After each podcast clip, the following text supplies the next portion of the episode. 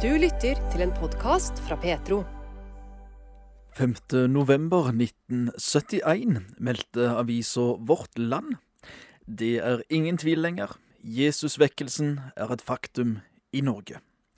Vekkelsen som hadde starta noen år tidligere i California i USA, hadde spredt seg til Norge. Men hvordan var veien hit, og hvordan blei Norge påvirka? Peter Svalheim har skrevet boka Jesusvekkelsen, en fortelling fra 70-tallet. Sjøl ble han introdusert for Jesusvekkelsen som 14-åring i 1973, og husker det som noe helt spesielt. Og jeg husker det var et veldig trøkk og veldig frigjørende personlig. fordi at dette var et miljø og mennesker som jeg gjerne ville identifisere meg med. Og så var det jo Det ga så gjenklang i meg. Både kall det kulturformene, da, musikken og stilen og det hele. Og så blei jo Jesus min beste venn.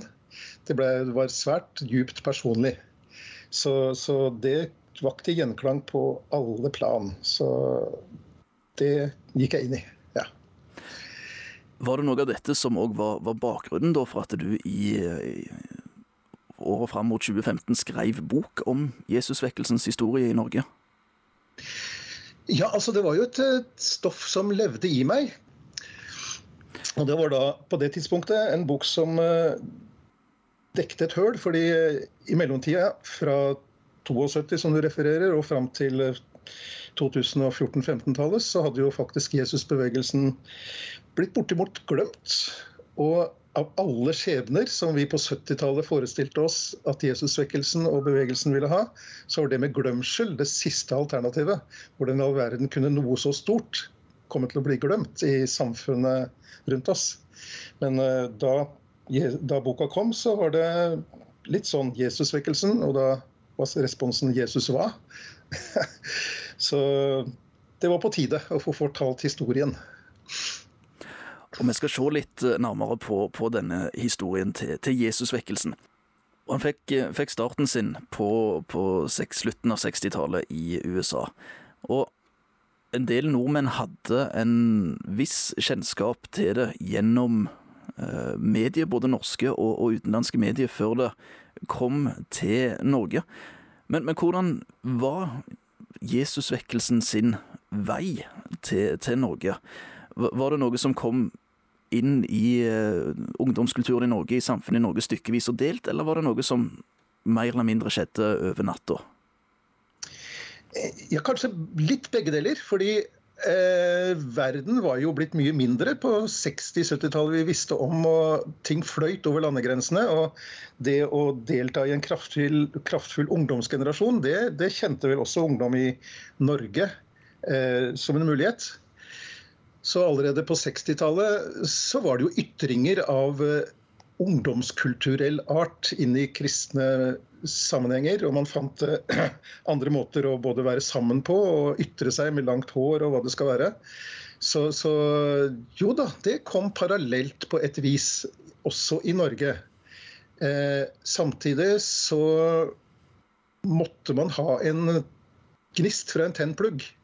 Og den var det vel eh, i helt konkret forstand iallfall i det miljøet, jeg kjenner best, nemlig Guds fred, den gruppa 'Children of God' som brakte. Fordi at de, de kom og opptrådte med en helt annen og til da så å si forbløffende Altså en ukjent og forbløffende eh, kraft i uttrykket som virkelig slo gjennom da, i, i ungdomsmiljøene og blant, og blant uh, kristne ungdommer i Norge. Da. På den tida så konkluderte avisa Vårt Land, som hadde lett, lett høyt og lavt etter ytringer av Jesusvekkelsen i Norge, og virkelig ønska seg den fram, de konkluderte at Jesusvekkelsen er et faktum i Norge. Da hadde de sett utbruddene som kom. Gruppa Children of God var viktige for Jesusvekkelsens start i Norge. Den ble danna i 1968 i USA, av David Berg, men utvikla seg etter hvert i en mørk retning. Ja, det var jo én gruppe av mange eh, som vokste ut av denne putrende gryta da, i USA. Det ble grunnlagt av en predikant som heter David Berg. Ja, han er vel et eksempel på at i, der det skjer noe, så trekkes også manipulatorer til. Som har sine egne andre hensikter. Så han forma jo etter hvert sin, gruppe, den gruppa som slutta seg opp om, om, ham, til eh, å være noe helt annet enn en kristen eh, menighet i det hele tatt. Den sklei ut noe så ettertrykkelig at uh, den, får, den, får, plass i framstillingen over sekter og utgrupper fra, fra den tida, da. Det, det, det, er for så vidt flere enn Children of God som uh, blei rare. Men eh, det forteller at eh, der hvor noe skjer, så finnes det mennesker med onde hensikter som, som også finner innsmett og, og, eh, og påvirkning. Det var rundt, rundt årsskiftet 1971-72 at en, en gjerne kan si for at Jesusvekkelsen, eller Jesusbevegelsen, for, for alvor hadde kommet til Norge. Mm. Eh, som du sier, Children of God-gruppa var, var, delaktig i dette. Var det noen andre eh, ting som, som, skjedde som på en måte gjør at det, det tidsrommet Da kan vi si at, at Jesusvekkelsen begynte å, å, få fotfeste i, i Norge òg? Kanskje en kan si at uh, hele det åndelige klimaet i uh, Norge, og for den del i verden, var overmodent for at noe skulle skje. Jeg er litt imponert av gamle biskop Per Lønning i ja, da var han i Bjørgvin. Altså Han var en av de voksne som forsto dynamikken rundt det med vekkelse. Og hans, en av hans utsagn er at uh, en vekkelsesbevegelse må alltid være situasjonsbestemt. Uh, og det må skje som en aktualisering av evangeliet innenfor mennesker i et bestemt miljø. Og på den tida så var det sånn at eh, eh, verdenssituasjonen og ungdomskulturen hadde brakt fram et veldig behov for å, å, finne et nytt fotfeste og komme til klarhet med spørsmål som ikke var løst i den tidas eh, eh, verdenssamfunn. Og det var et veldig stort behov for oss å komme til rette. da Kanskje som en eh, i enda større forstand refleks av at krigen hadde rast bare en generasjon tidligere. Det var alt i alt en, et, en grobunn for oss å være på leit og søke etter et nytt fundament. Og det kirka til da hadde ytt som svar, det var stort sett dogmatiske svar, der prester og, og, og voksne personer kunne gi et autoritativt svar og, og, veiledning på hva man skulle tro, og på hvilken måte man skulle tro, og hvordan man skulle organisere samværene sine. Når ikke det stemte lenger med hva den neste generasjonen, altså ungdomsgenerasjonen, så etter, så begynte de å leite etter eh, svar på andre, andre hold. Eh, og det får nok også med å skape en Legge grunn til rette for en hjertenes bevegelse, en vekkelse fra innsiden. Når da Jesusvekkelsen hadde kommet til, til Norge uh, og, og, begynt å på sett og vis etablere seg og, og spre seg, hvilken mottakelse fikk den av det da etablerte Kristen-Norge? Det var litt blanda. Altså, det var uh, veldig sprikende. Noen steder så reagerte man jo med frykt og for den del avsky.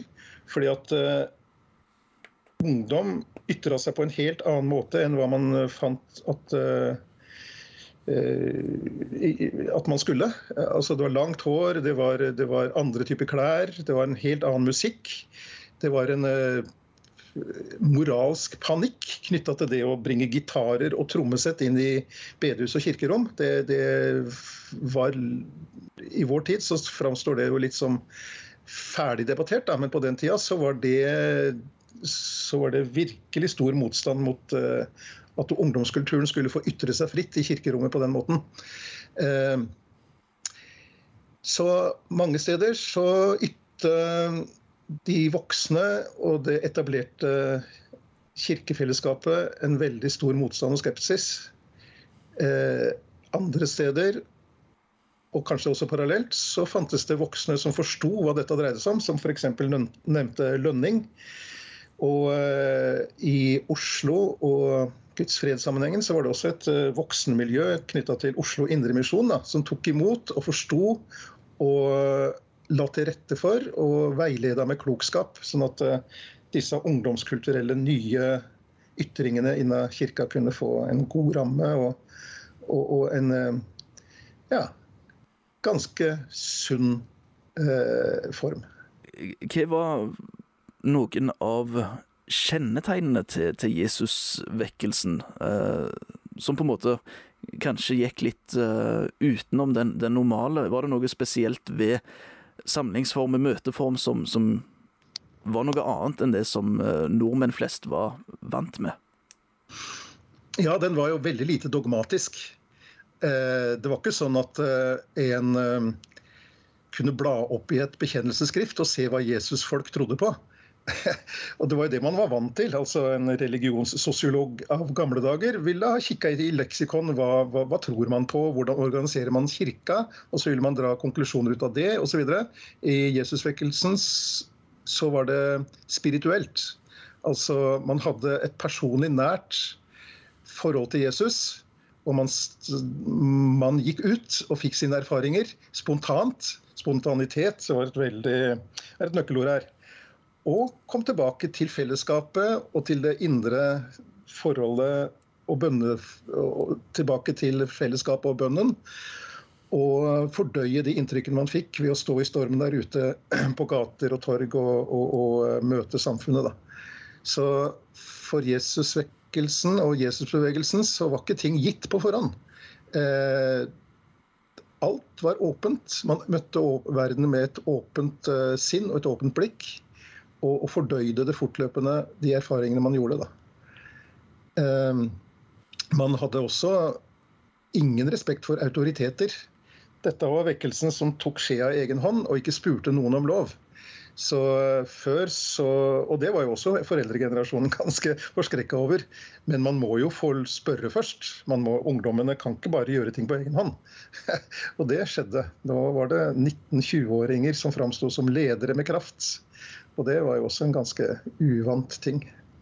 Du sa at det, var noe spirituelt, noe litt, litt fritt. Uh, I dag så kan vi kanskje trekke, når vi hører de ordene, trekke og litt uh, paralleller til det som vi kaller for New Age. Var det uh, deler av Jesusvekkelsen og dagens New Age som er litt sammenfallende? Ja, det tror jeg nok. Altså, en sosiolog, religionssosiolog i Trondheim, Erik Karlsaune, han plasserer Jesusvekkelsen i nært slektskap med New Age. Og iallfall kan si at dette var eh, New Age gro fram i den samme tida. Og de er, de er eh, prega av uh, The New Spiritual Individuality, heter det på, på, på engelsk. Altså den nye åndelige individualismen, som jo for så vidt da peker framover mot vår tid eh, hva gjelder eh, individet sin plass i samfunnet osv. Eh, man var ikke man bøyde seg ikke kollektivt under dogmer lenger, sånn som jeg nevnte i stad. Man fant sin vei, og i New Age så ble jo da hele verdens religioner til alle tider en stor sammenhengende godtedisk, der man kunne plukke og sette sammen en miks etter mitt, sitt eget forgodtbefinnende av typen 'dette er sant for meg'. Eh, I Jesusvekkelsen så fikk jo det den formen at eh, man ikke anerkjente et dogme før man hadde funnet fred i sitt eget forhold til Jesus om at sånn må det være eh, i, i bønn og inderlig fellesskap. Her i Norge så var kanskje et av de tydeligste uttrykkene for uh, Jesusbevegelsen uh, Guds fred-fellesskapet i, i, Oslo, som vi har nevnt på, på tidligere, og som du òg har et, et, forhold til. Du har sjøl vært ansatt i dette, dette fellesskapet i, i, noen år. Men, men hva var Guds fred-fellesskapet, og, og hvordan påvirka de Jesusbevegelsen i Norge? Ja, Guds fred-fellesskapet i Oslo knytta til Nordbygata 45 på Grønland, og ikke minst de eh, gospelkveldene i Trefoldighetskirka med kanskje 1000-2000 samla hver, hver, hver 14. dag, etter hvert hver måned. Det var jo selve fyrtårnet og, og referansepunktet for Jesusbevegelsen i Norge, skulle jeg tro, gjennom, gjennom den tida det foregikk. Guds fred kom jo til på den måten at Children of God entra banen i Norge. Children of God vet vi nå var en svært betenkelig gruppe. Men den brakte med seg en flamme, da. Med de individene som kom og opptrådte så kraftfullt. At de kom til å skli ut i noe som eh, var svært betenkelig. Det visste man ikke da. Ungdom ble gripet av det, og, og de fikk inngang i det lille huset på Grønland, Nordbygata 45, hvor de skapte en veldig stor eh, pågang av narkomane, mennesker som hadde dette utafor samfunnet. Eh, og det var med de voksne i Oslo Indremisjon som, som eh, støttepartnere. Oslo Indremisjon forsto at eh, disse, kommer, disse er på ville veier. De trenger voksenveiledning, og forlangte at eh, de skulle stille seg i større grad under voksen ledelse. Og Children of God de reagerte med å flytte ut over natta. Så neste morgen, når skarene av ungdom fra Slottsparken sto på døra, så var det ingen til å ta imot dem. Og Oslo Indremosjon måtte ta noe og gjøre noen grep, og kasta inn ungdom som da forma fellesskapet Guds fred, for å så også ta over stafettpinnen fra Children of God, som hadde starta det hele. Så sånn teknisk sett så ble det starten, og da hadde vi det gående, da. Hvis en skal snakke om ei kjernetid, eh, en periode som er, er tidsrommet der Jesusvekkelsen hadde sin storhetstid i Norge, Så så er det vel kanskje rett å si at den var fra 1972 til 1976, før det da i 1976 begynte å flate ut. Han fortsatte på sett og vis videre framover til slutten av 70-tallet, starten på 80-tallet. Eh, men, mm. men, hva var det som gjorde at det, det begynte å flate ut da på rundt 1976? Nei, ting har vel sin egen kurve, da.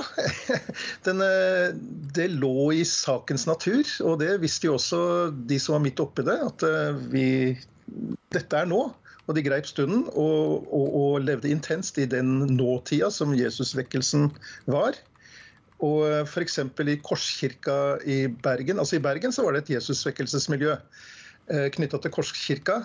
Og Der fikk de låne nøkkelen, og de ungdommene som var i tet der, og gjorde og, og, levde spontant og enkelt ut sin tro i det lokalet og i det miljøet. Og så flata det ut. Og så hadde de hele tida den bevisstheten at de ikke skulle organisere seg. De skulle ikke lage en organisasjon som bevarte noe utover den tida da åndens eh, fylde og, og Den hellige ånd sjøl eh, veileda de til. Så da de opplevde at nå begynner Ja, det var i 76, nå, nå, nå, er det ikke på samme måten lenger. Så leverte de nøkkelen tilbake og sa takk for lånet. Uten å ha skapt en organisasjon som eh, man skulle eh, vedlikeholde i år og år etter det igjen, da. Jesusvekkelsen satte sitt preg på, på si tid, eh, men òg tida som kom, eh, kom, etterpå. Hva er det, eller er det noe fra, fra Jesusvekkelsens tid som vi fortsatt den dag i dag finner igjen i, i norske menigheter og, og forsamlinger som, som, ikke hadde sannsynligvis vært der hvis det ikke hadde vært for, for Jesusvekkelsen? Ja, du kan jo si f.eks. Eh, det at man kan bruke ungdomskulturelle uttrykk. Det, det kom jo med Jesusvekkelsen. Eh, nå dette generasjonsskapet som, som åpna seg på den tida, der foreldrene synes at uh, ungdommene deres var helt forferdelig musikk de hørte på. Det, det, har jo, det jo jamna seg ut. Kanskje ikke minst fordi at det er vi som er foreldre nå, vi som liker den samme musikken som barna våre. så vi er på den samme sida av musikksmaken. Eh, så, ungdoms, så hele samværsformen er jo annerledes. Eh, tenk, hvordan man tenker kirke Det er så mye som er forskjellig nå i forhold til for 50 år siden. da at det er litt vanskelig å se linjene. Men på den tida så var jo Norge fortsatt prega av eh, den eh, kirketenkninga som, eh, som lutherdommen uh, innførte. Altså embetsmannskirken med en stor autoritet, der kirka skulle være kongens og statens forlenga arm. Alt det er jo helt annerledes nå. Men hvordan vi tenker om, om kirke, og om fellesskap, det tror jeg fikk en annen innretning etter 70-åra. Eh, og det har mye med Jesusvekkelsen å gjøre. Det tror jeg. Eh, men kanskje ikke minst. Jeg tror det var mange, uavhengig av om de opplevde seg som del av et eh, på spissen Jesus-bevegelsesmiljø, eller om de tilhørte de mer eh, organiserte, faste, kall det trauste eh, kristne miljøene. Det tiåret skaffa fram så mange engasjerte ungdommer at vi fortsatt nyter godt av det, i den forstand at eh, vi har sett en generasjon som har båret kristne miljøer og kristent organisasjonsarbeid gjennom disse tiårene. Eh, uten Jesusvekkelsen og Jesusbevegelsen og den åndsatmosfæren som fantes på 70-tallet, så forestiller jeg meg at det ville vært langt tyngre å få fylt opp valglister til menighetsråd, få noen til å bære stoler, få noen til å i det hele tatt holde ved like og være til stede og, og, eh, bære kirkefellesskapet og kirkeorganisasjonen gjennom disse tiårene. Da. Så det er en slags eh, gnist som fikk seg uttrykk i praktisk engasjement for hundrevis og tusenvis av, av unge. da.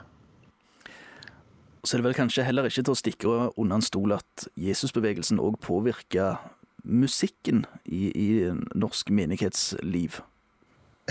Det var jo rene aksjoner blant eh, organister på den tida. Da Jesusmusikken, eller Jesusvekkelsens uh, uh, musikkformer, uh, gjorde sitt inntog. Skal det være sånn, så får det være det samme. så det var en brytning, men den brytningen er jo overstått. Det kom mye med Jesusvekkelsen. Mye av det var, var positivt og, har ført til, til endringer som, eh, som, som, har vært godt for, for, norsk kristenhet. Men som vi òg har vært inne på, med, med sånne store omveltninger og, og, store hendelser som dette her, så, så kommer det òg med noe negativt. Eh, vi var innom på det med, med Children of God. Men, men er det noen andre ting for norsk kristenhet som, som har blitt negativt påvirka av, eh, av Jesusbevegelsen? Ja, altså, det var jo det kunne være brysomt å ha med disse Jesusfolka å gjøre. Og de kunne, jeg må nesten si vi, kunne være veldig skråsikre, påståelige og arrogante i vår framtoning. Der eh, vi kunne se veldig ned på andre miljøer fordi de ikke var så på spissen åndelige. Det var en sånn veldig Ja, f.eks. og KFUM eh, kunne oppleve det som eh, veldig forargelig. Fordi de bar jo en brei omsorg for ungdomsmiljøene i det hele tatt. Og fikk disse breie og, og fikk disse beskyldningene eller de kalde skuldrene fra Jesus svekkelsesmiljøet. som at de, de, de var eh, bare pingpong og cola, liksom. Eh, det kunne være en veldig ensidighet, og enkeltmennesker og mange kunne nok bli veldig brent av dette. Der eh, det ikke var plass for dem og deres spørsmål og deres faktiske situasjon i det litt for enkle skjema som Jesusvekkelsen ofte kom fram med. Da. Eh, så det kunne gå galt, og mange har negative erfaringer og dårlige minner. Og det har jeg både det, det må vi ha all respekt for. Og så er det en sånn slags, kall det Guds nåde, at det ikke gikk verre. At det var et, en kirke der og en omgivelse som var i stand til å ta imot disse nye impulsene. Og, og gi det veiledning og etter måten trygge rammer, da. For tida så går filmen 'Jesus Revolution' på kino. En, en film som omhandler Jesusvekkelsen sitt opphav i USA. Du har sjøl sett filmen. Er det noe fra denne filmen som er gjenkjennelig for, for, eller fra norske forhold? Ja, altså, Det er jo gjenkjennelig som ikonografisk, nesten. Altså, Det var jo sånn det var. Veldig mye av det Jesus Revolution-filmen framstiller, det, det, kan man se faktisk på, på biografiske filmsnutter. F.eks. det med massedåp i Stillehavet og sånn. Noe som jo for øvrig var veldig, veldig fremmed for det kirkelige miljøet i Norge, hvor barnedåp og nettopp dåp var svært dogmatisk viktig. Men, men de, de, scenene som filmen viser der, det er eh, veldig troverdig. Og det kunne til og med være heftigere, skulle jeg tro. Fordi det var langt mer og langt større spontanitet knytta til, til evangelisering og til dåpen og til samværsformene enn, enn hva filmen eh, faktisk viser. Eh, så, så, sånn sett så er den eh, i en del aspekter eh, biografisk og eh, troverdig, da. Altså dokumentarisk troverdig. Eh, nå er det et andres trekk ved filmen som jeg blir, vel, blir litt ambivalent til. Eh, og eh, jeg så Chuck Girard, forgrunnsfiguren i forgrunnspersonen i uh, Love Song, en av Jesus-rockegruppene som eh, sto i tet av den nye musikken som, eh, som Jesus-vekkelsen brakte med seg, sa altså, Chuck Girard og Lovesong spiller en rolle i filmen, faktisk. Fordi de var en del av det miljøet som skildres. Og den virkelighetens Chuck Girard, da han så filmen, sa at uh, det tok en tid før jeg forsto at uh, filmen ikke er dokumentarisk, men er Greg Lauries egen fortelling. Greg Laurie er hovedpersonen i denne filmen. Da. En 16-17-åring da filmen begynner, og rotløs og på vei inn i hippie psykedelika-dop-miljøet uh, på den tida. Uh, sånn sett Og nå er Greg Laurie en uh, leder for en megakirke i, i, USA. Så på den måten så blir filmen en fortelling om uh, Loris uh, kirke. Uh, og for de som kjenner han, og det gjør nok antagelig de aller fleste evangelikale i USA, så blir det da en slags tilblivelseshistorie for den nåtidige store kirka som han leder. da.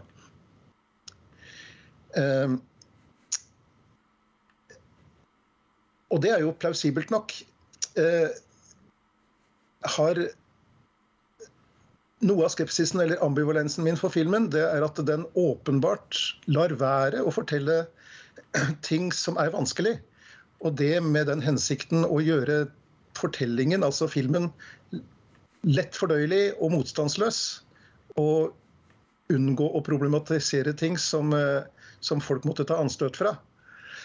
Eh, og det, det syns jeg ikke blir riktig av to, ting, av to grunner. Historien er som den er. Og menneskene som var der, var som de var. Eh, så det blir noe feil ved å framstille de annerledes. Og det jeg tenker på der, er en av de store profilene og, eh, i, i, i Jesusvekkelsen i California på den tida, nemlig Lonnie Frisbee som var en nøkkelperson for, for, det som, for framveksten av Jesusvekkelsen i det filmen skildrer. Eh, han var et helt spesielt menneske og et fenomen, så å si. Eh, noen sammenligner han med f.eks. Frans av Assisi.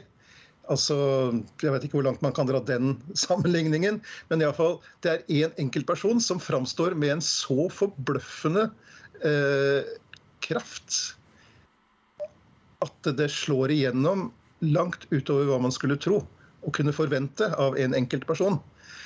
Eh, Lonnie Frisbee var jo en miks av veldig mange ting.